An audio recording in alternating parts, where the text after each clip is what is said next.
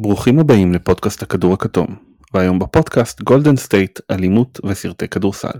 פתיח ומתחילים.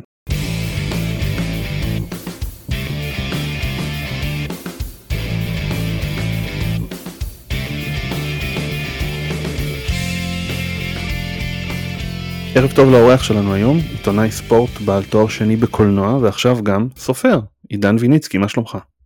היי, מה העניינים? אני מצוין. אנחנו מתחילים uh, כרגיל בפודקאסט עם רגע השבוע, uh, תכף נדבר על הספר שלך, ספר מאוד מעניין, אני מחזיק אותו אצלי ביד, אני, לא רואים אותי אבל אתה רואה. Uh, אז uh, מה רגע השבוע שלך? Uh, היו לי הרבה התלבטויות, כי באמת כל שבוע ב-NBA גדוס ועמוס ברגעים טובים, אבל uh, כמובן האוהד שהקיא את כל שולי המגרש בסקרמנטו נגד יוטה, נכון? זה היה? כן. והפרצופים של השחקנים שנקראים מצחוק, והמשחק ש... שנעצר בגלל זה לכמה דקות. זה, אתה יודע, יש דנקים כל שבוע, יש חסימות, יש סלי ניצחון, אבל אוהד שמקיא בשורה הראשונה זה, זה חדש. כן, אה, אולי זה הטריגר שגרם לפיטורי לוק וולטון אה, מאוחר יותר. אה, אתה יודע, הנהלה אמרו עד כאן, אנחנו, אין לנו בעיה שהאוהדים שלנו נגאלים מאיתנו, אבל להקיא עלינו זה כבר טיפה יותר מדי. הפרצופים של השחקנים שם היה משהו מדהים. הם כן. פשוט לא, הם לא יכלו להפסיק. לצחוק. עוד לא הבנתי, הוא היה שיכור אבל? מה היה הסיפור שם? כן. שיכור, שיכור. הוא נראה המום בעצמו. אמ, טוב, רגע השבוע שלי, אה, ללא ספק זה האיזיה סטוארט אה, בונה, בונה לעצמו שם כשחקן פוטבול, מכין לעצמו חוזה של כמה מיליונים. אה, הוא פרץ שם קווי הגנות, אם, אני, אני לדעתי אם היו שמים לו קסדה ושמים לו כדור פוטבול ביד זה נכנס לטופ 10 של ה-NFL, אז תשמע, הדבר, אני אמרתי זה הזכיר לי את האנשים שכשנפתח החנויות בבלק פריידיי, והם רצים פנימה ככה, מעיפים את כולם מהדרך, אבל באמת הדבר הראשון שבדקתי היה, אתה יודע, איזה סטווארט נולד שנתיים לפני הבכורה של לברון בליגה, הוא היה בן שנתיים. כאילו אתה לא הולך להרביץ לברון שאתה שנתיים, אתה בן שנתיים כשהוא כבר התחיל לשחק ב-NBA. כן, אה, אני חושב שכל הלייקרס אה, הם כל כך ותיקים שגם אם תחבר את הגיל שלו הוא לא... זה גם, show some respect to the king. איך אמר אה, זה, you come at the king you best not miss. כן, אבל טוב, עצרו אותו. תכף נדבר על האירוע הזה עוד בהרחבה, אבל אני רוצה להתחיל מהספר בעצם שלך. הספר נקרא מהמגרש למסך, סרטי הספורט הגדולים. אה, נכון. שבו אתה מדבר בעצם על 50 סרטי הספורט הגדולים אה, בזמנים שלנו. ונותן פה אה, כל מיני דוגמאות. אני עדיין לא סיימתי אותו אבל עברתי על כל הסרטים שאהבתי.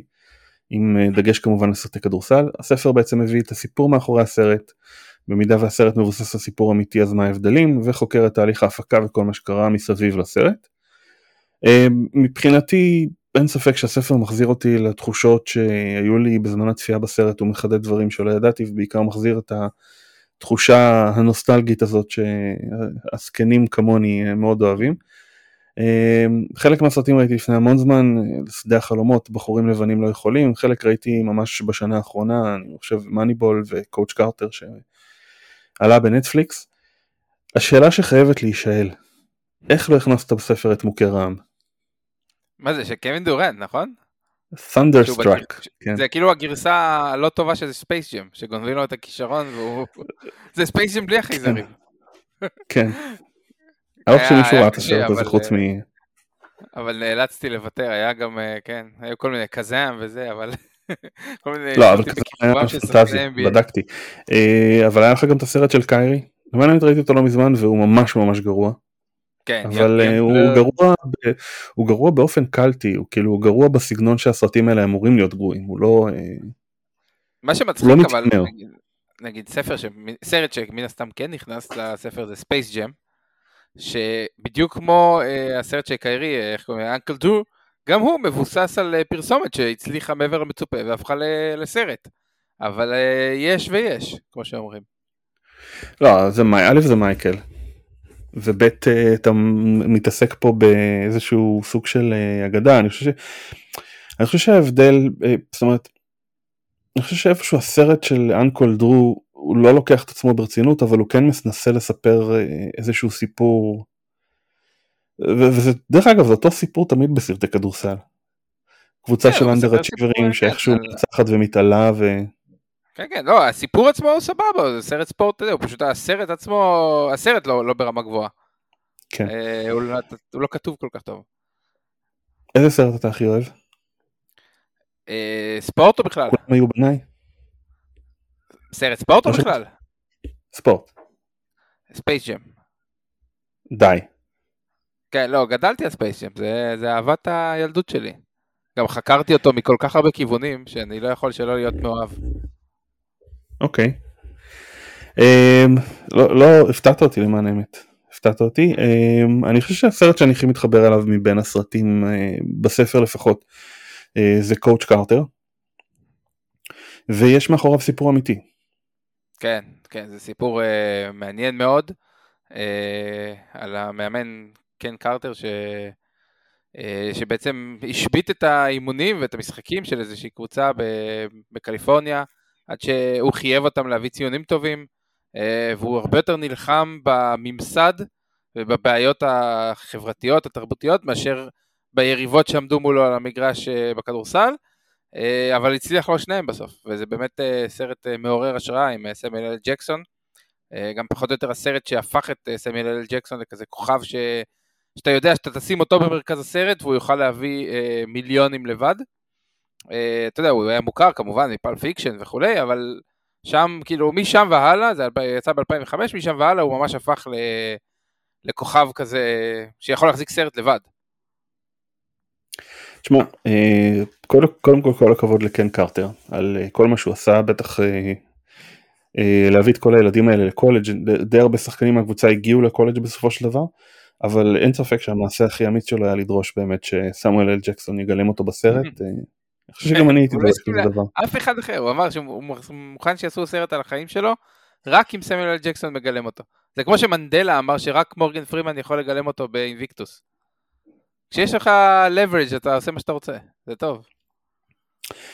אוקיי, okay, אחד הדברים שקצת חוזרים על עצמם בספר, בספר בטח ב, כש, כשאתה נוגע ב, כש, בסרטים שנוגעים בפרשיות ספורט אה, מאוד ישנות, אה, גם, אני, גם ב Hoosiers וגם בשדה אה, החלומות למשל, זה הנושא של אה, אמריקה הלבנה.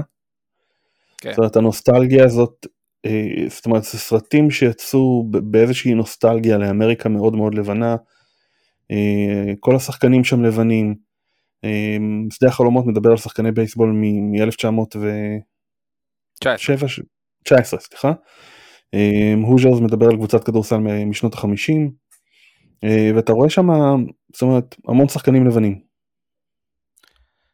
רק כן. שחקנים לבנים בעצם. כן, כן, זה, תראה, הספר מתחיל ב-1977 עם רוקי, שמבחינתי זה קו פרשת המים של סרטי הספורט, זה סרט, סרט אה, ספורט הראשון ש... שזכה באוסקר, ובעצם זה גם אה, מתחבר לי לקולנוע המודרני פחות או יותר. עכשיו, שנות ה-70, כמו שכולם, אה, כל מי שמכיר טיפה היסטוריה אמריקאית בטח יודע, שנים לא קלות בארצות הברית, וייטנאם בקצה הבלגן, ווטרגייט, הרבה חשש מהממסד וכן הלאה. ואז בעצם אה, מגיע שנות ה-80 ורייגן עולה לשלטון, ורייגן הוא כמובן שחקן הוליוודי שגדל בתקופת האולפנים, מאוד אה, שמרן וקלאסי כזה, ובעצם אה, מחליט שהוא משכתב את ההיסטוריה מחדש, ואצלו אמריקה מנצחת, גם אם היא הפסידה בפועל, במבט לאחור, במבט 10-15 שנים אחורה, הוא מבחינתו, היא, המנצחת הגדולה והיא שוב המדינה החזקה. עכשיו הסרטים, חלק גדול מהם, עושים התאמה, אה, עכשיו חשוב להבין שגם קולנוע אה, לוקח זמן לעשות אותו. עד שאתה כותב את התסריט, עד שאתה מוצא כסף, עד שאתה זה, עד שאתה זה, עד שהעריכה מוכנה, יכול לקחת איזה שנתיים שלוש לסרט. אז באמת בעשור, בחצי השני של שנות ה-80, אנחנו רואים סרטים כמו Hoosiers שיצא ב-86, אה, ושדה החלומות שיצא ב-88, ושם באמת אנחנו רואים את אמריקה, כמו שאתה אומר, אמריקה הלבנה, השורשית, שמצליחה כנגד כל הסיכויים, כמו ב Hoosiers הקבוצה הקטנה, ובשדה החלומות אנחנו בעצם מקבלים איזושהי מחילה על פשע מאוד גדול שנעשה, אה, מכירת המשחקים ב World Series, בבייסבול, אה, ובעצם ממש חוזרים לאמריקה הלבנה הקלאסית ש, אה, שרייגן רצה לראות, שרייגן הוביל. וכמובן אחרי זה גם הגיעה תגובה לזה, הרבה סרטים יותר שחורים, למשל ספייס ג'ם שהגיע עשור אחרי זה פחות או יותר. טוב אני חייב לציין ששדה החלומות אה, כנראה הסרט האהוב עליי ברשימה ואני חושב שיש בו משהו מאוד מאוד תמים אה, וכאילו זאת אומרת הספר שם זרקור מאוד גדול על זה שזה בעצם הוא מבוסס על פרשייה לא נחמדה. זאת אומרת משהו כמו דקסטר אתה רוצה לאהוב אותו אבל הוא רוצח כאילו. אה, ושם זה בעצם אה, שחקנים שמכרו משחקים והעיפו אותם מהליגה ואז הם מקבלים כביכול את ההזדמנות השנייה שלהם בשדה החלומות. יש שם כל מיני סיפור מסגרת עם אנשים ש... עם הרופא ששיחק מעט מאוד בייסבול ואז הוא מגיע ו... ועוד פעם הוא צריך להחליט ולפרוש. והפגישה עם אבא של, של הכוכב. אני לא רוצה לעשות פה ספוילר על כל הסרט, זאת אומרת, אבל אני חושב שיש בו משהו מאוד מאוד תמים, אה, וכשאתה חושב על הנושא שהוא בנוי עליו בעצם, זה די פוגע בתמימות הזאת. אה, כן, זה, תראה, לקחו אותו, הסרט מתרחש באיואה, שזה כאילו המדינה הכי נשכחת בערך בארצות הברית. תמיד כשעושים את הרשימה של ה-50 מדינות, ואתה בודק אם אתה יודע את כולם, אז איואה תגיע כזה 48, 49, שאף אחד לא, לא זוכר שהיא קיימת. אה, אז באמת הוא הולך לשדות התירס, אה, ומין סיפור חלומות כזה על איזה קול שהוא שומע, ובסוף מאחד אותו עם אבא שלו וכל מיני זה. אה, אבל כן, כמו שאתה אומר, זה סרט על אחת השערוריות הכי גדולות בהיסטוריה של הספורט האמריקאי. לא מזמן היה 100 שנים לבלק סוקס, המכירה, כמו שאמרתי, של, של שחקני שיקגו ווייט סוקס, את הוולד סיריס, את קודש הקודשים האמריקאי, ומכרו את המשחקים. אז כן, אז הסרט לוקח משהו מאוד מאוד שלילי, ועוטף אותו באיזה אה, עטיפה יפה כזאתי, לבנה, כמו שאמרנו, אה, והוא עושה את זה 70 שנה אחרי, מתוך איזושהי תחושה שבאמת הגיע הזמן לתת מחילה ל- ללבנים הנחמדים האלה, שבסך הכל אה, רצו להרוויח קצת כסף והבוס שלהם לא נתן להם. מה שמעניין זה שבאמת אה, חצי שנה בערך לפני זה, יצא עוד סרט על בדיוק על אותו נושא, שנקרא 8 Man Out, והוא מספר את זה קצת פחות שוגר uh, קוטינג, הוא, הוא קצת יותר מספר את הנושא עצמו, הוא פשוט פחות טוב. טוב. אני מניח שהוא גם הצליח הרבה פחות. כן, אבל יש פה שחקנים טובים, אה, זה כאילו סרט סבבה, פשוט אה, אה, שדה החלומות טרף אותו. אוקיי, אה, טוב, אז, אז בשביל לסכם את זה, דרור אה, שלח לך משימה. Mm-hmm. אתה מוכן? כן. נא להרכיב חמישה מדמויות, בסר... אה, חמישייה מדמויות בסרטי כדורסל. אסור להשתמש בסרטים ביוגרפיים או שחקנים שמשחקים את עצמם, זאת אומרת ג'ורדן מספייס ג'ם, לא יכול להיות. אוקיי. אה, אוהד מאני גולט מהסרט עליו, העז. אה, שחקנים שמשחקים דמויות אחרות זה בסדר, למשל אה, שקיל ופני הרדווי שהיו בבלו צ'יפס. אז זהו, אז באמת, אני לא יודע אם צריך לבנות חמישייה עם סנטר וזה, אבל שקיל כאילו ב Blue Chips זה אחלה התחלה. הוא גם כאילו עושה אחלה דמות שם וזה. אבל מן הסתם הכוכב הגדול שזה, זה ג'יזוס שאטלסוורת' כמובן. זה ריי אלן ב He Got Game שגם מופיע בספר. סרט נהדר של ספייק לי, שבאמת ריי אלן שם נותן בקלות, בפער, את ההופעה הכי טובה של ספורטאי כשחקן קולנוע אי פעם לדעתי. Uh, הוא פשוט פנטסטי בסרט. Uh, מי עוד? מי עוד? Uh, תן, לי, תן לי סרטים, אני, אני ככה, אני מנסה לחשוב תוך כדי, תוך כדי תנועה. בגס בני. בגס בני, לא, לא, לא לבני, לא לבני, יותר טובה לא ממנו. לא לבני בפנים. אז אני שם אותה בחמישייה. פני ארדווי חייב להיות. פני ארדווי עושה אחלה תפקיד גם בבלו צ'יפס, אה, ב-Above the Rim יש את, אה, איך קוראים לו, אה, איזה סרט זה היה עם ברנרד קינג? אני כבר מתבלבל. היה אחד עם ברנרד קינג ואחד עם דוקטור ג'יי, אבל שניהם עושים תפקידים סבבה. היה איזו תקופה ש... שידעו להוציא משחקני כדורסל תפקידים לא רעים. לברון ג'יימס עושה תפקיד מעולה ב Trainwreck, אבל הוא לא משחק, הוא משחק את עצמו. זה גם לא סרט ספורט, אבל, אבל אני מפרגן לו. הוא עושה שם תפקיד יותר טוב ממה שעשה בספייס ג'ם. טוב, טרם ראיתי את ספייס 2. טוב, אני מחכה שזה יגיע לנטפליקס. אמ, אגב, הזכרת את היגת גיים, לדעתי אה, סרט הכדורסל הכי אותנטי. אמ, אין פה שוגר קורטינג, אין פה את הקבוצה שאנדרדוגית והיא צריכה לנצח וכולי וכולי, יש פה באמת סיפור אה, שאני חושב שהוא סיפור די נפוץ בארצות הברית, בטח עם אה, שחקנים שחורים שבאים ממעמד עני מאוד. אמ, ריי אלן, דנזל וושינגטון, אה, אם לא ראיתם אז אה, אני חושב שזה סרט חובה לכל אוהד NBA. כן, ספייק לי אמ, עשה, אם, אם מי שראה עשה סרט דוקומנטרי על, אה, על קובי בריינט. לפני ש... כשקובי עוד שיחק, קובי goes to work. אה, אבל זה באמת he got game, זה כאילו שיר האהבה שלו לכדורסל כמובן, כאילו כולם יודעים שספייק לי הוא שורה ראשונה בניקס ומאוהב במשחק ומאוהב בקבוצה, got game זה כאילו שיר אהבה, אבל שיר אהבה מריר כזה, עם כל הגועל נפש שיש, אבל הוא, רואים שהוא אוהב את הענף, והוא מכיר אותו. בסדר, יש בו גם משהו נגד הממסד, נגד הקולג'ים, נגד ה-NBA. זה תמיד, זה לא תמיד יש בספייק לי, כן, ספייק לי תמיד מעביר, יודע להעביר ביקורת אה, נכונה ו- ומעניינת, אה, אבל באמת, כאילו רואים שכיף לו לעשות סרט כדורסל בניגוד לכל ה... או, או כאילו קצת שונה מכל הדברים האחרים שהוא עשה בקריירה. זה משהו שהוא, שרואים שהוא נהנה להתעסק בו במהלך הסרט. אוקיי. Um, אז איפה משיגים את הספר? אה, אז את הספר אפשר למצוא באתר אה, ספרי ניב, שזו ההוצאת, ההוצאה הפרטית בעצם ש, שעשיתי דרכה את, ה, את הספר. אה, נכנסים לאתר, יש שם כזה מנוע חיפוש, או כותבים ויניצקי, או כותבים מהמגרש למסך, וזה, ומיד זה יופיע האופציה הראשונה. ואם אתם רוצים אז יש גם לינקים שמופיעים בדף הטוויטר שלי, עידן ויני, או בפייסבוק שלי, עידן ויניצקי באנגלית. אה, לא בעיה, ואתה יודע, אפשר לשלוח לי הודעה בכל שעה שתרצו, אני עונה. נמצא איך להביא לכם את הספר. אה, אמור, אמור לעלות לעברית או עכשיו או בימים הקרובים, זה, זה, זה בתכנון. ממש okay. אוקיי. בקרוב. אפשר לשאול כמה עותקים כבר... האתרים הדיגיטליים. אפשר לשאול כמה עותקים כבר נמכרו? Uh, בערך 100 בשבוע וחצי. אוקיי. הראשונים. טוב, אז uh, חברים, קדימה. תלכו לרכוש, אני, אני בהחלט ממליץ, אה, אני מאוד אוהב את הסגנון, את ה... ואני, ואני מאוד מתחבר לכתיבה שלך, אז אה, ספר מומלץ. רק חשוב לי להגיד כאילו ש... שלא, לא, שלא יבהלו, שלא נחתתי משום מקום, אני עובד הרבה שנים כעיתונאי ספורט, אני אה, עם תואר ראשון ושני בקולנוע, חוקר סרטי ספורט, כאילו לא, לא המצאתי את הדברים שבספר ממוחי הקודח, יש איזשהו בסיס מאחורי הדברים. אני לא חושב שמישהו נבהל אבל אה, זאת אומרת אם, אם אתה חש צורך אז, אז באמת אה, היית בוואלה שבע שנים לפני שנסעת לארצות הברית?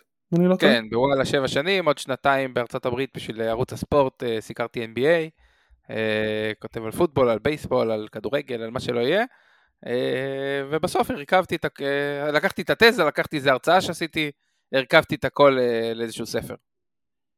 אוקיי, okay, מגניב. אמ, חבר'ה תקנו. אבל אה, אתה יודע התכנסנו לדבר פה על NBA אז בוא נדבר קצת על NBA. נתחיל עם הקבוצה שפתחה את העונה בצורה הכי טובה. גולדן סטייט היא פתיחת עונה מצוינת ואחרי רצף אה, משחקי בית ארוך היא חוזרת מהמזרח אה, עם מאזן 3-1 כולל ניצחון שהוא סוג של הצהרה על ברוקלין וקווין דורנט. הווריורס משחקים שוב כדורסל שובה עין ומדורגים בצמרת בכל המדדים. מעבר לעובדה שלהם את המאזן הטוב בליגה הם במקום הראשון בדירוג הגנתי, מקום שני בדירוג התקפי. האם אתה חושב שזה עדיין לוח משחקים קל, או שכבר אפשר להתחיל לדבר על הווריורס בתור קונטנדרית? אה, אני חושב שגם וגם. why not both? אה, קודם כל באמת היה להם לוח משחקים קל שגם נתן להם את הדחיפה הזאת להתחיל את העונה טוב, וברגע שמתחילים טוב וכולם מנצחים אז כולם שמחים.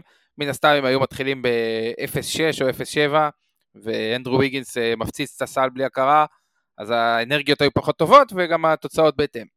אז הלוח הקל הזה נראה לי המשחקי בית נגד קבוצות לא משהו, אה, נתנו להם ככה כבר להתחיל מאיזה 9-1 או 10-1 ו...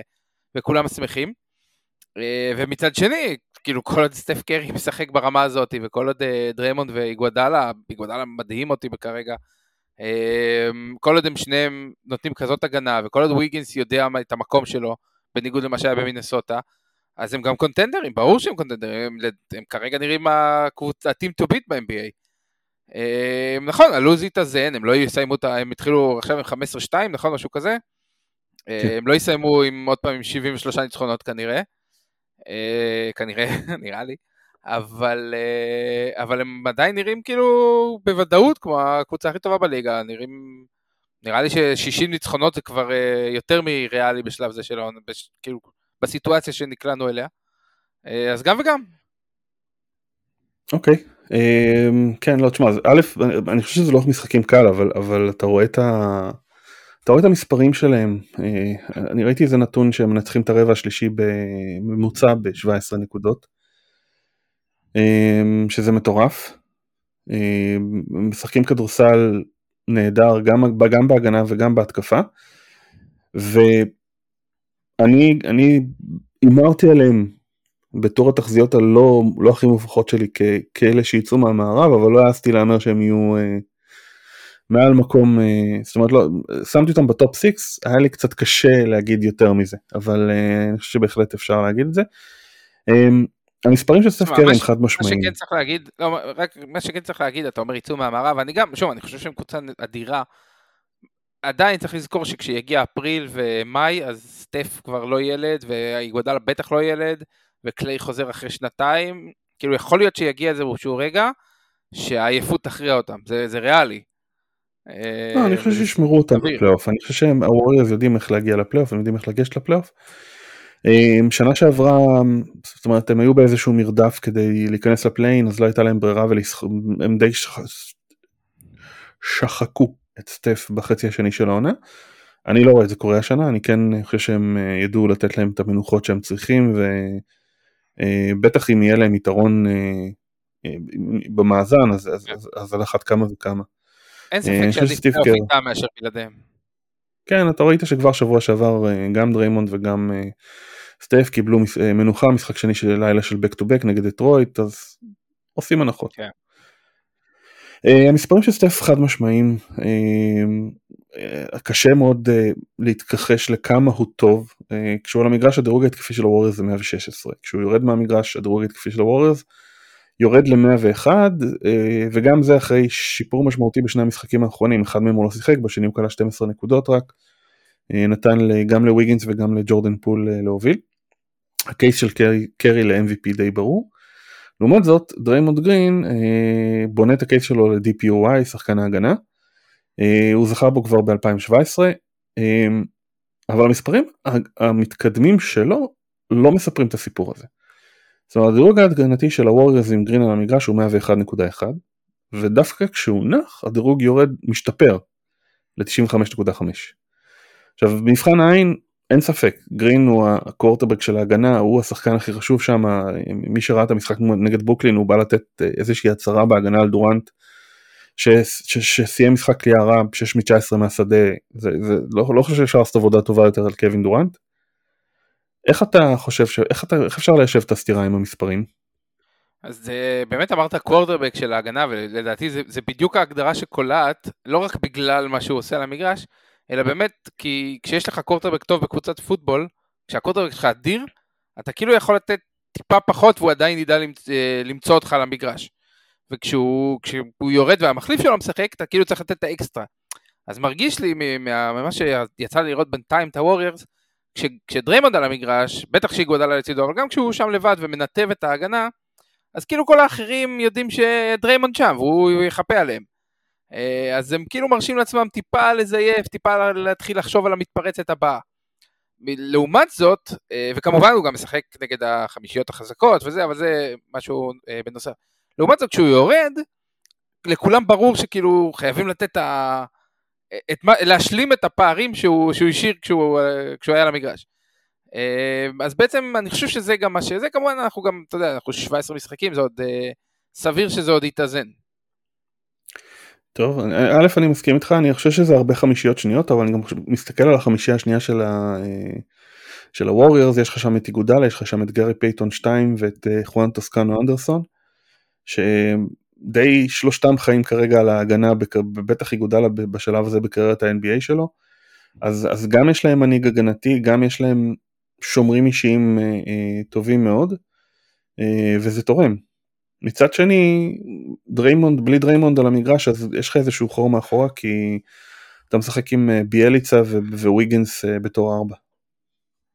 השאלה לא, לא, לא יצא לבדוק את זה אולי אה, אה, משימה למאזינים סתם אה, לבדוק מה הרייטינג ההגנתי כשדריימונד ואיגודלה ביחד על המגרש כי באמת הם, הם כל כך מבינים אחד את השני וכל כך אה, נוח להם ביחד שאם אני צריך לנחש אז זה פחות מ-95 וחצי כש... כששניהם משחקים ביחד בדקות המשותפות. זה כאילו ה peak של ההגנה של הווריורס. טוב, אני יודע מי, מי האיש בשביל לבקש ממנו, אז אני אבקש מיור עמית, insignificant stat. אנחנו חייבים לדבר על קליי, אה, כל ציוץ על הווריורס בעצם מסתיים במשפט, וזה עוד בלי קליי. אה, החדשות האחרונות זה שקליי אמור לחזור לפרקט במהלך החודש הקרוב. איך אתה רואה, זה, איך אתה רואה את זה משפיע על הווריורס? האם אנחנו נראה איזה תקופת הסתגלות או שכניסה שלו תהיה חלקה לגמרי? אה, אז לדעתי חלקה משתי סיבות. קודם כל, בגלל האופי שלו. הוא, הוא יודע שהוא סופרסטאר, אבל הוא תמיד היה כזה... ידע את מקומו בקבוצה, ידע שהוא כאילו הכינור השני לסטף ברגע שסטף התחיל להתפרץ, אה, אחרי שהם היו הספלאש בראדרס, אז, אז גם הוא, כאילו, אין לו אגו שיכריח אותו זה. ומעבר לזה, גם סגנון המשחק שלו מאפשר לו להשתלב בצורה חלקה. הוא לא צריך, אה, אתה יודע, הוא לא יחזור במשחק הראשון, ויקח את הכדור ויוביל עוד התקפה ועוד התקפה ויקפיץ ויצטרך את הכדור ביד. הוא גם ככה עומד בפינה ומעיף שלשות. אה, ועושה הגנה, הוא נכנס למשחק דרך הגנה ודרך כליאה. אז אז הוא יכול לעשות את זה ב-40 דקות בפלייאוף, הוא יכול לעשות את זה בהתחלה ב-20 דקות, זה מבחינתו, זה הבן אדם שלא הגיע לאימון וכלה 60 נקודות. מבחינתו כאילו, רק תשים אותו למגרש והוא ישתלב. אז נראה לי הוא יהיה בסדר. כן, אה, אני מניח שעצם הנוכחות שלו, גם אם הוא לא יעשה יותר מדי, עצם זה שהוא עומד, אה, שהוא מאיים על השלשה, אז אה, כבר ירווח את ההתקפה של הווריורס בצורה טובה יותר. כן, זה, זה עוד, עוד עין של ההגנה שהולכת הצידה. כן. דור טאוב שואל על הווריירס, בוב מיירס GM השנה, בונה קבוצה לעוד עשר שנים שבינתיים מקום ראשון בליגה. אה, לדעתי הוא GM השנה שעברה, שהוא הביא את ויגינס ב trade, עכשיו הוא קוצר את הפירות, אבל שנה שעברה ה trade הזה היה מעולה. אה, כן, גם חלק גדול מהשחקנים שהיום טובים בווריירס הם כבר שנה שנייה בווריירס, זה חואן טוסקנו. זהו, שנה שעברה הוא בנה, שנה כאילו הם מתפרצים. אה, אבל אני חושב שהוא הביא שלוש כן. תוספות מאוד משמעותיות בקיץ. אה, ומי שסימן את הכיוון הזה בעצם שהקבוצה אה, בונה גשר אל העתיד זה בוב לייקוב שלא מוכן בעצם, זאת אומרת שרוצה לשמור את ה rookies, את קומינגה, את מודי ואת וייזמן. ולך תדע איפה הם יהיו עשר שנים, דבר אחד בטוח, כנראה שהם יהיו בלי סטף קרי, אז אני לא יודע כמה טובים הם יהיו, אבל... אה. לדעתי, אני, אני יודע שהוא מאוהב בהם והכל כאילו מוצי פוצי, אבל לדעתי אם יתחילו להריח שם באמת צ'אנס לאליפות, ברגע שקליי יחזור והם יראו מה יש להם ביד, אם יתחילו להריח שהם באמת יכולים לקחת אליפות, אה, לדעתי אחד מהחבר'ה הצעירים יעבור ב trade, אה, כשיהיה איזה כוכב מעוצבן כזה, וכאילו יש לווריירס מהלך לעשות, כזה שבאמת באמת באמת יביא להם את האליפות. וכמו שאמרתי, הם גם זקנים, כאילו זה קלאסי להביא מישהו טוב שיעזור בפלייאוף.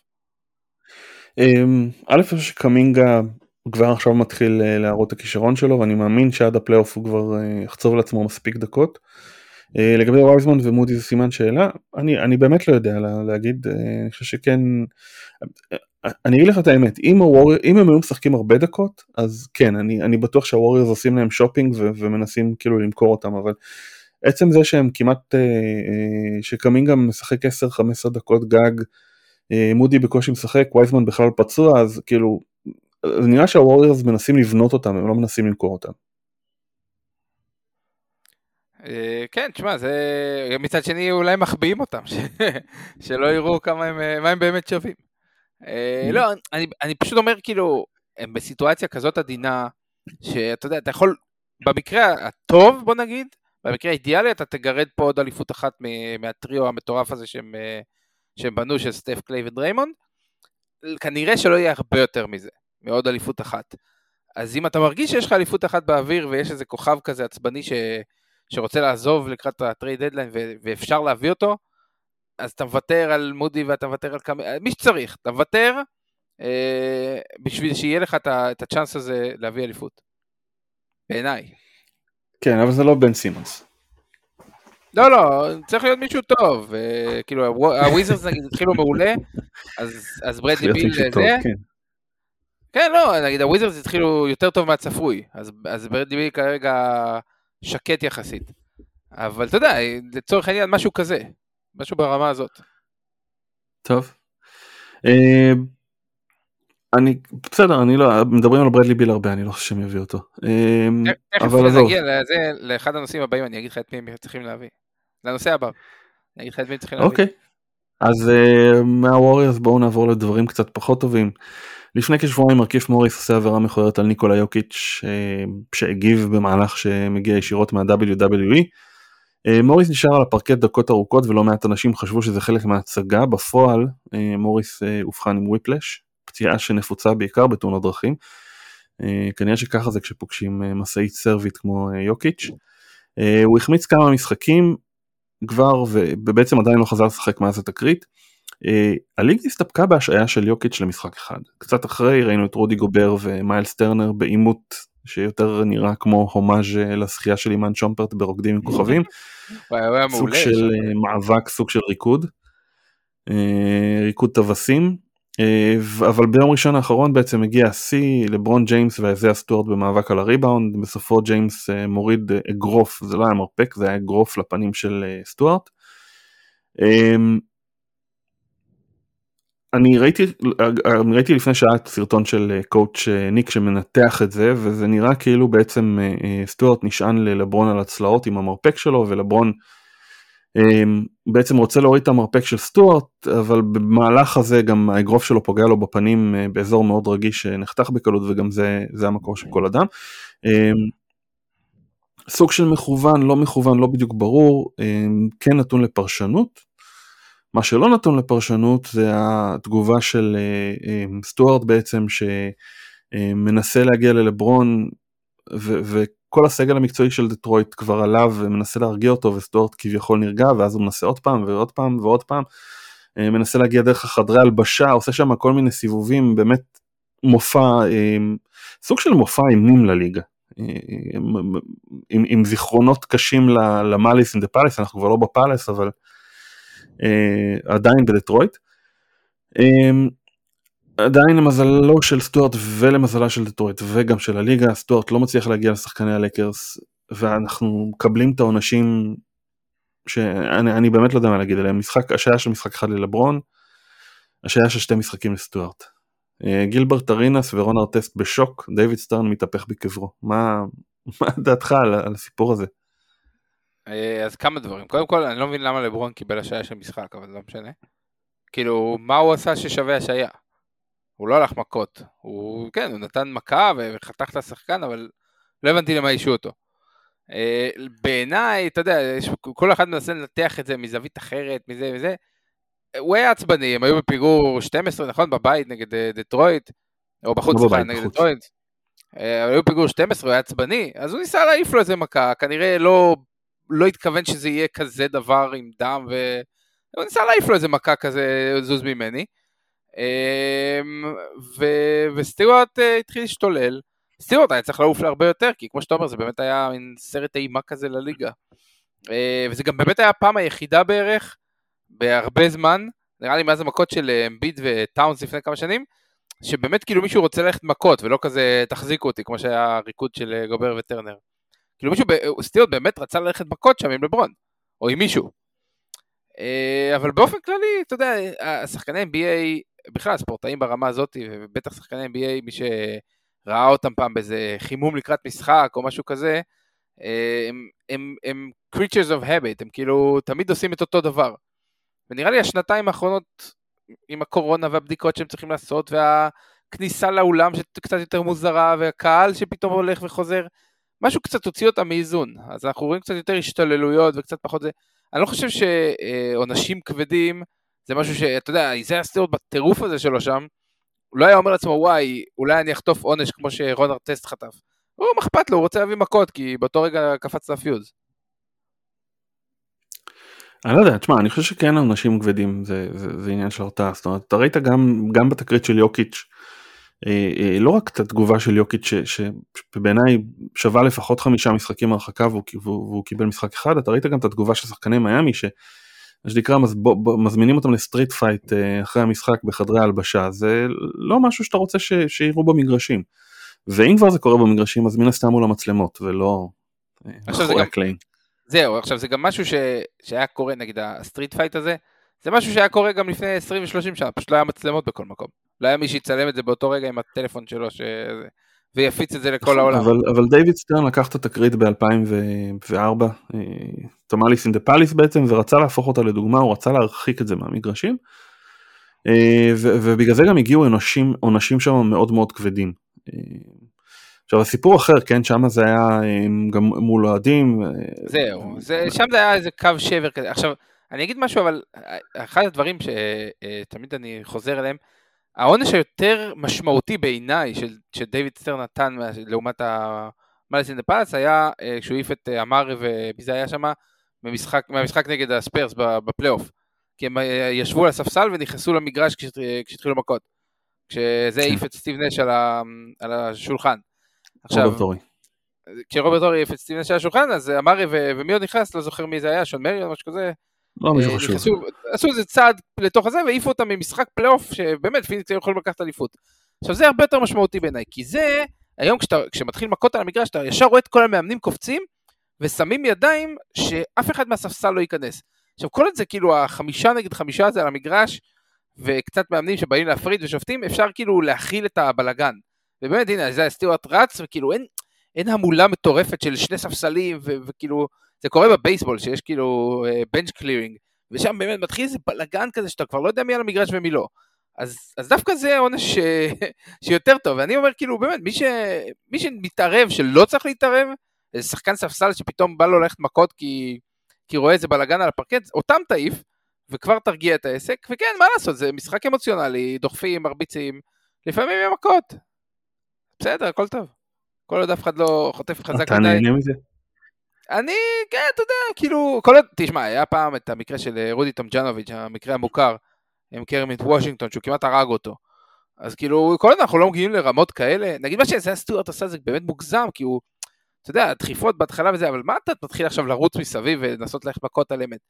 אבל אם אה, רודי גובר ומיילס טרנר עושים קצת דחיפות וחיבוקים, או יוקיץ' מעיף את, אה, את מוריס שם, שוב, כל עוד אף אחד לא חוטף חזק מדי, אז בסדר, תן להם קצת להוציא אגרסיות, היו להם שנתיים קשות. בסדר, אבל אתה לא יכול לשלוט בזה, זה בדיוק הבעיה, כי, כי, כי, זה יכול להידרדר ואז אתה מאבד שליטה. אבל, אבל אתה כן מעלה משהו ש... משמעותי בעיניי, זאת אומרת אני קראתי איזושהי טענה שהליגה מעוניינת במקרים האלה כיוון שזה מעלה לה את הרייטינג.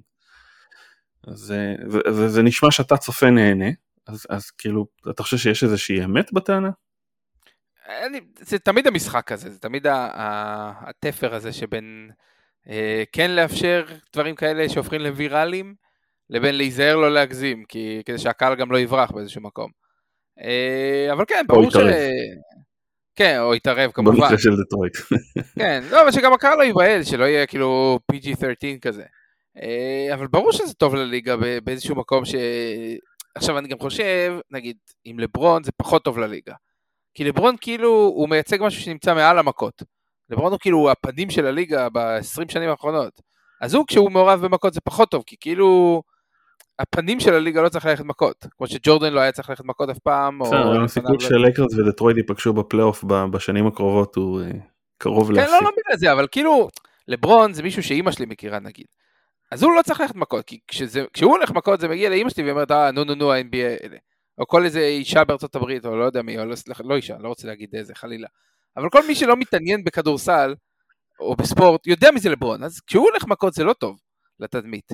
אבל כשרודי גובר ומיילס טרנר הולכים מכות שהם איזה שני איזוטרים כאלה שכאילו, אתה יודע, הם כוכבים גדולים, אבל הם איזוטרים, אף אחד לא מכיר אותם מחוץ ל-NBA. זה אחלה, כאילו תנו לנו את זה, תנו לנו את האקשן, וזה טוב לליגה, זה, זה מביא את הקהל השבוי באמת להמשיך ולצפות, כי אולי יהיה איזה משהו כזה יוצא דופן. אז כזה, זה על התפר, זה באמצע. מה הולך להיות הרייטינג של אה, מיאמי דנבר במשחק הבא? אז אתה מבין, זה בדיוק מה שאני אומר, זה בדיוק ההמשך של זה. אף אחד מחוץ לליגה לא יראה את מיאמי דנבר בגלל הסיפור עם יוקיץ' ו- ומוריס. אבל כל מי שאוהב את הליגה יראה את מיאמי דנבר בגלל הסיפור עם יוקיץ' ומוריס. אז, אז זה בדיוק מה שהליגה רוצה. ששחקנים ברמה של, של יוקיץ', אפילו שהוא MVP, הוא עדיין לא פרצוף של הליגה. ששחקנים ברמה הזאת כן יהיו כזה דם חם ויריבויות, אין כל כך יריבויות, זה קצת איבד את הזה.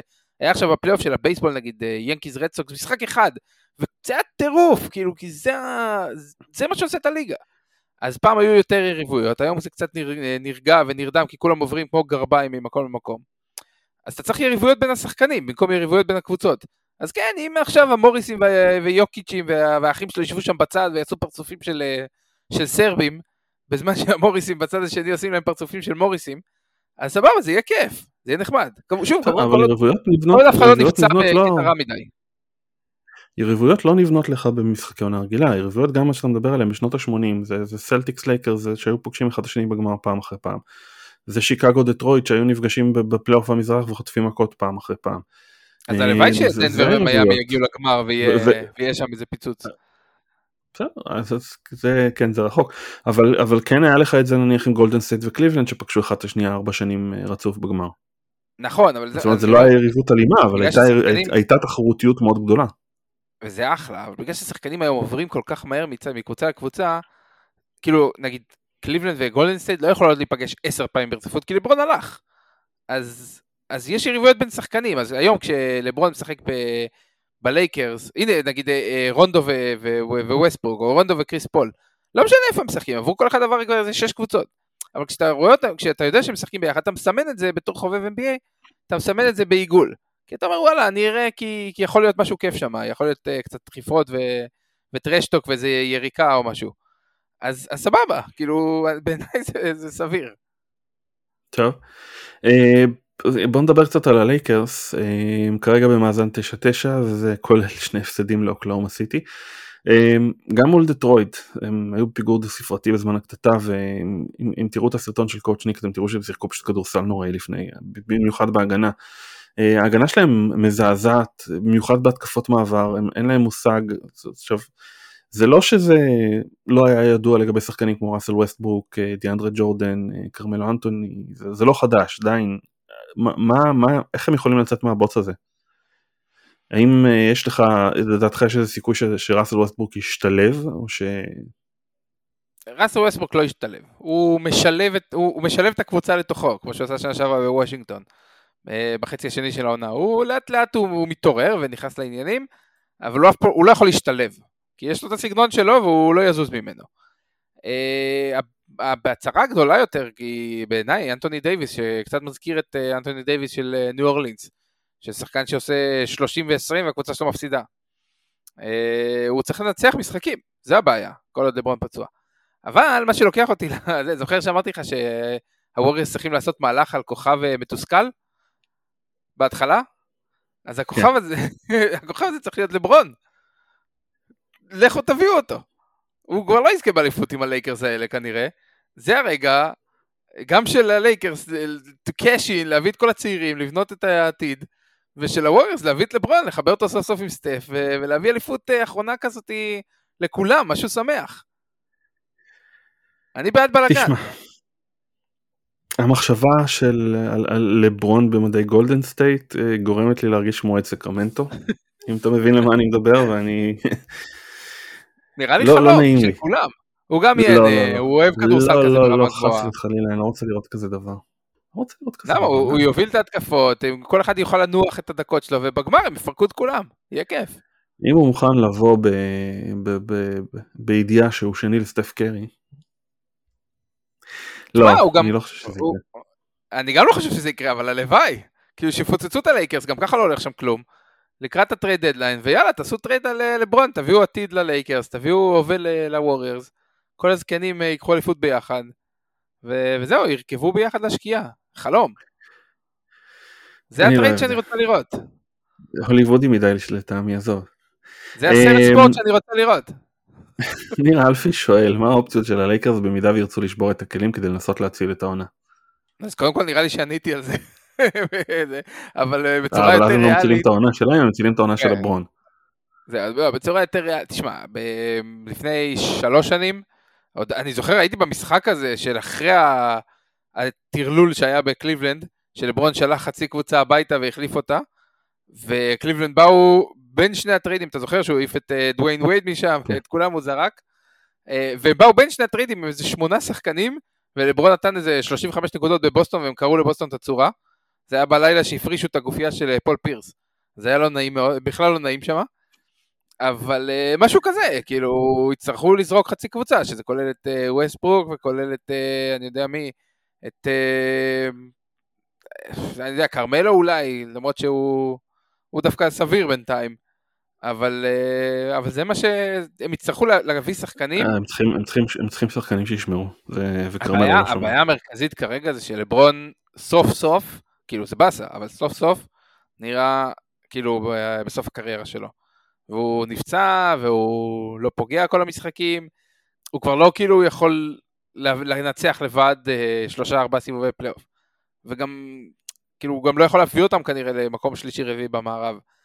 אז זה לא שאתה זורק חצי קבוצה ומתאים אותה מחדש לברון והכל יהיה בסדר, כמו שהוא עשה בקליבלנד לפני שלוש שנים. אתה צריך להתאים אותה בעיקר לדייוויס, כדי שדייוויס ירים את הרמה שלו, שיתחיל לנצח משחקים, ולברון יוכל איכשהו להשלים אותו, ואני לא רואה את זה קורה. אני לא בטוח שהם, אה, כאילו הם יעשו פלייאוף, אבל אולי play-in כזה. טוב, ראסל ווסטברוק על בן סימונס, מי אומר לו?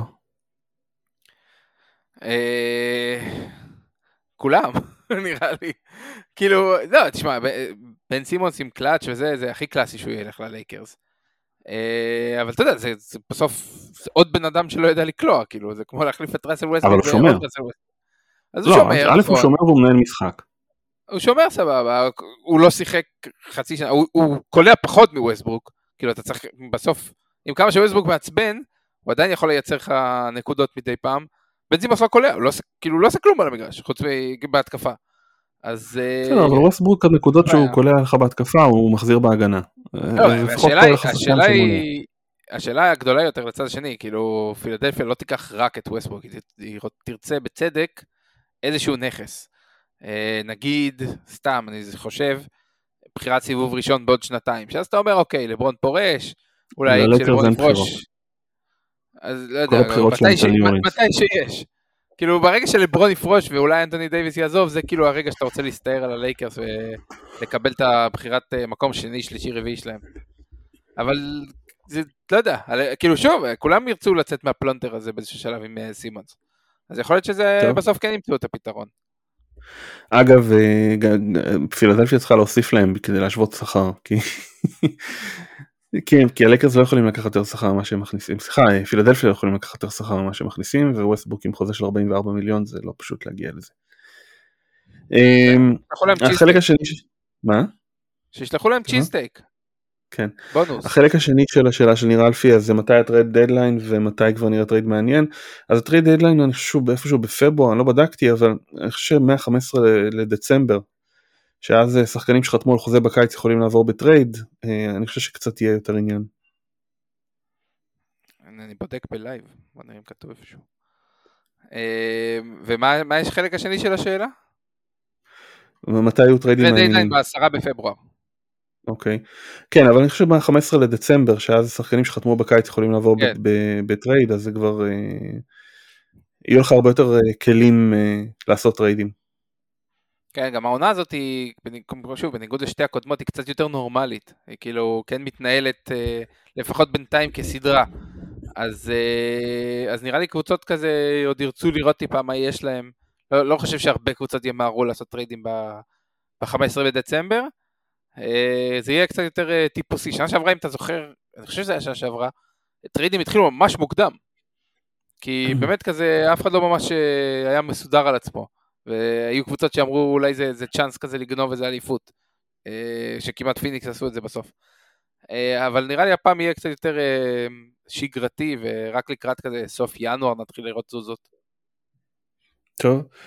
נושא אחרון לערב, סקרמנטו פותחת את העונה עם מאזן שישה ניצחונות ועשרה הפסדים, סך הכל קשה לומר שהם נראו רע יותר מהציפיות מהם, אלא שמונטי מקניר והנהלה של קינגס חושבים שזה לא מספיק ומפטרים את לוק וולטון. עכשיו אני האחרון שיגן על וולטון, הקרדיט שלו מפתיחת ה-42 שהיה בזמנו עם ווריירס, אה, כשקר היה עם בעיות גב נגמר כבר בערך לפני אה, ארבע עונות, אה, ובחמש השנים האחרונות הוא היה שלוש עונות עם הלייקרס, כולל אחת עם לברון, שתיים וקצת היה עכשיו עם סקרמנטו, והוא סיים את כולם עם מאזן שלילי, כשגם הכדורסל של הקבוצות שלו לא בדיוק מעורר השראה. ועדיין העיתוי לא ברור, זאת אומרת מה זה יעזור לקינגס להחליף אותו עכשיו חודש אחרי פתיחת העונה. ועוד באלווין ג'נטרי. זהו, אני חושב שהעובדה שהם מינו כל כך מהר כאילו את ג'נטרי למאמן זמני פלוס, אה, זה, זה מה ש... כאילו זה מה ש... לא יודע אם זה יעזור להם, אבל זה מה שהוביל אותם למהלך הזה, כאילו, הם, ברגע שהם החליטו ש... ש... שהם ראו שג'נטרי כאילו מוכן לקחת את התפקיד ו... וזה, אז הם אמרו, אוקיי, יש לנו אופציה יותר טובה מוולטון ביד, אז נלך על זה. אם זה היה, לא יודע, אני לא יודע מה הוא אמר להם בקיץ, אולי בקיץ הוא אמר להם לא ועכשיו הוא אמר להם כן, אה, וזה נראה לי מה שהוביל למהלך, זה היה מאוד מהיר, כאילו, אתה חושב שג'נטרי הוא אופציה יותר טובה מלוק וולטון? כן, כן. הוא לא מאמן גדול. אה, הוא די כשל לאורך הקריירה, אבל אני חושב שהוא מאמן יותר טוב מלוק וולטון. לוק וולטון הוא חלושס. הוא לא... הוא לא מאמן, הוא לא מאמן ראשי. כאילו, ראינו, כמו שאתה אומר, יש לנו טרק רקורד של חמש שנים די גרועות.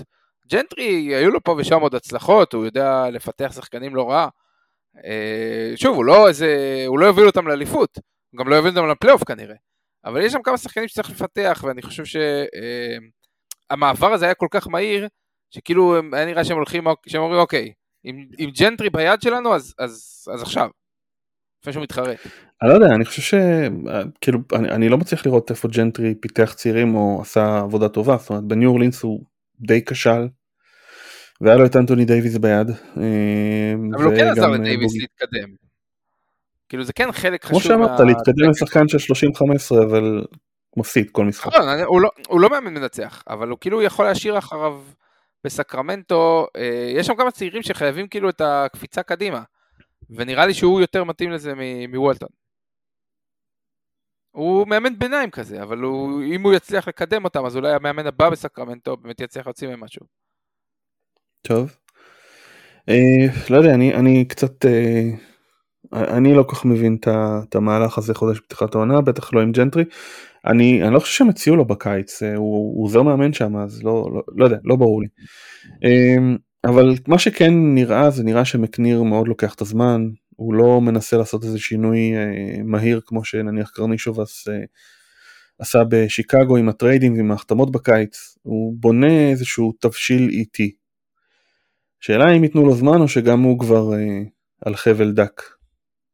אה, תשמע, הקינגס לא רצים לפטר אה, ראשי המועדון. דיבאץ' נגיד קיבל שם המון המון זמן אה, יחסית לתוצאות. אז נראה לי שיש לו זמן, אל תשכח שיש שני דברים שמפרידים אותו מקרני שבאס. קודם כל הוא בשוק הרבה יותר קטן ושקט, שזה גם נותן שקט. בשיקגו כאילו זה שוק ענק וחייבים תוצאות והם היו הרבה שנים גרועים, אז לא הייתה ברירה אלא ללכת all in.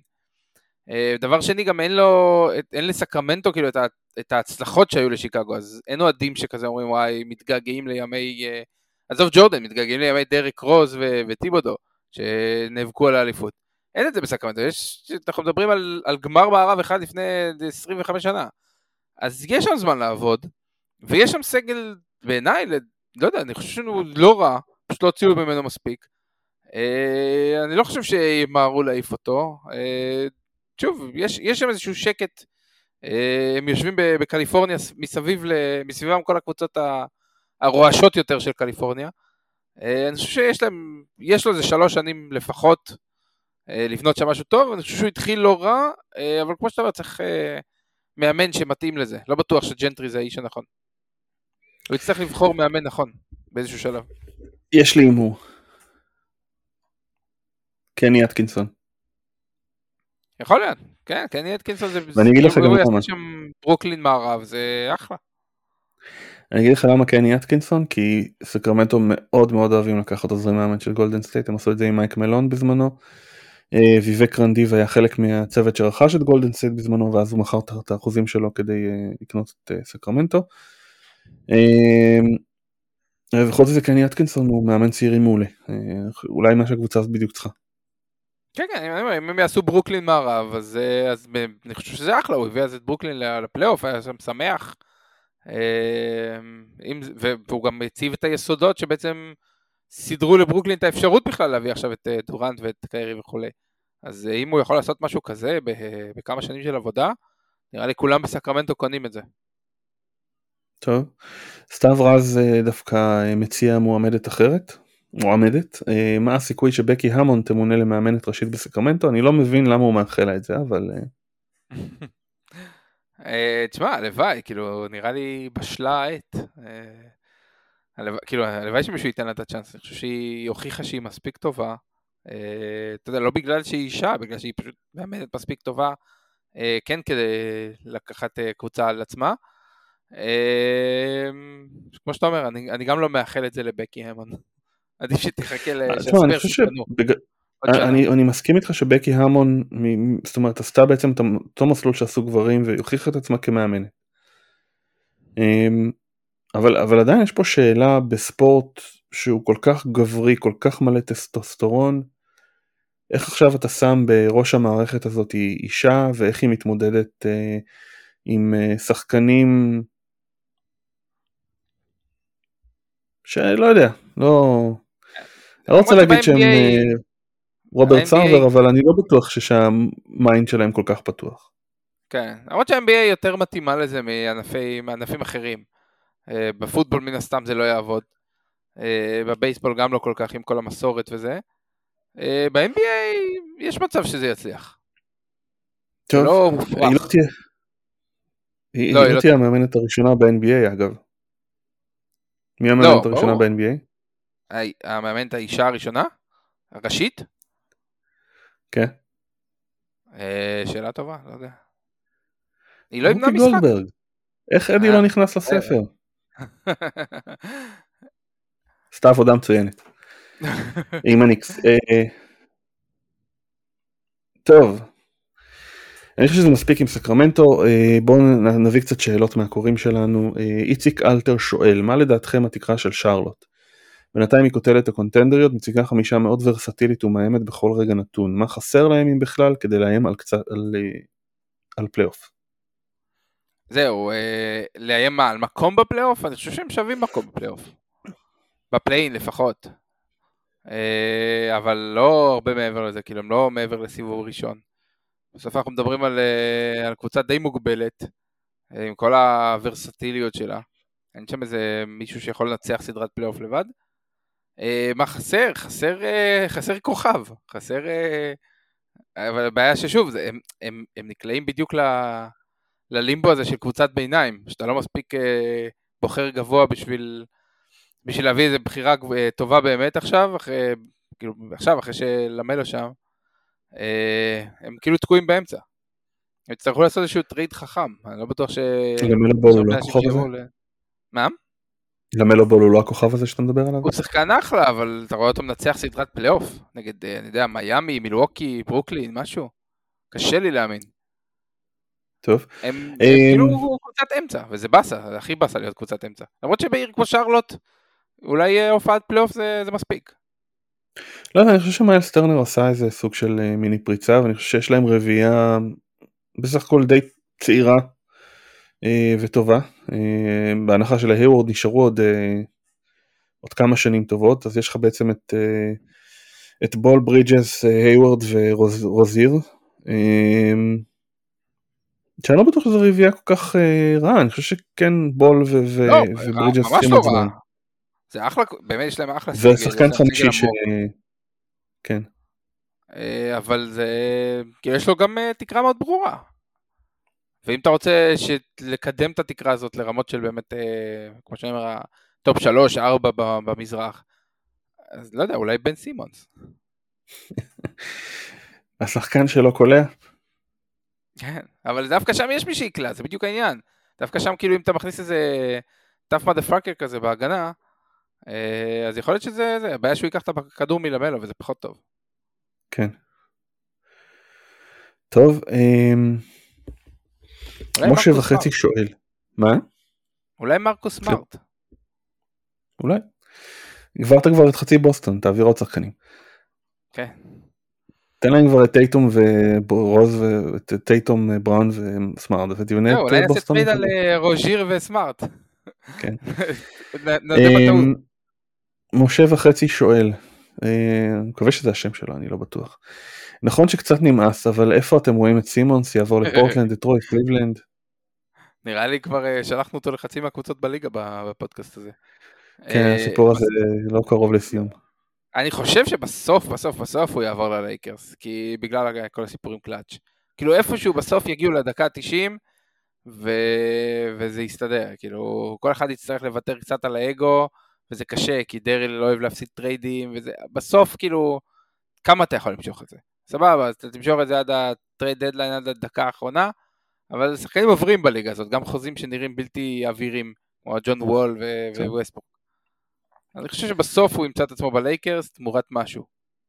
אז אני הראשון שאמר לייקרס.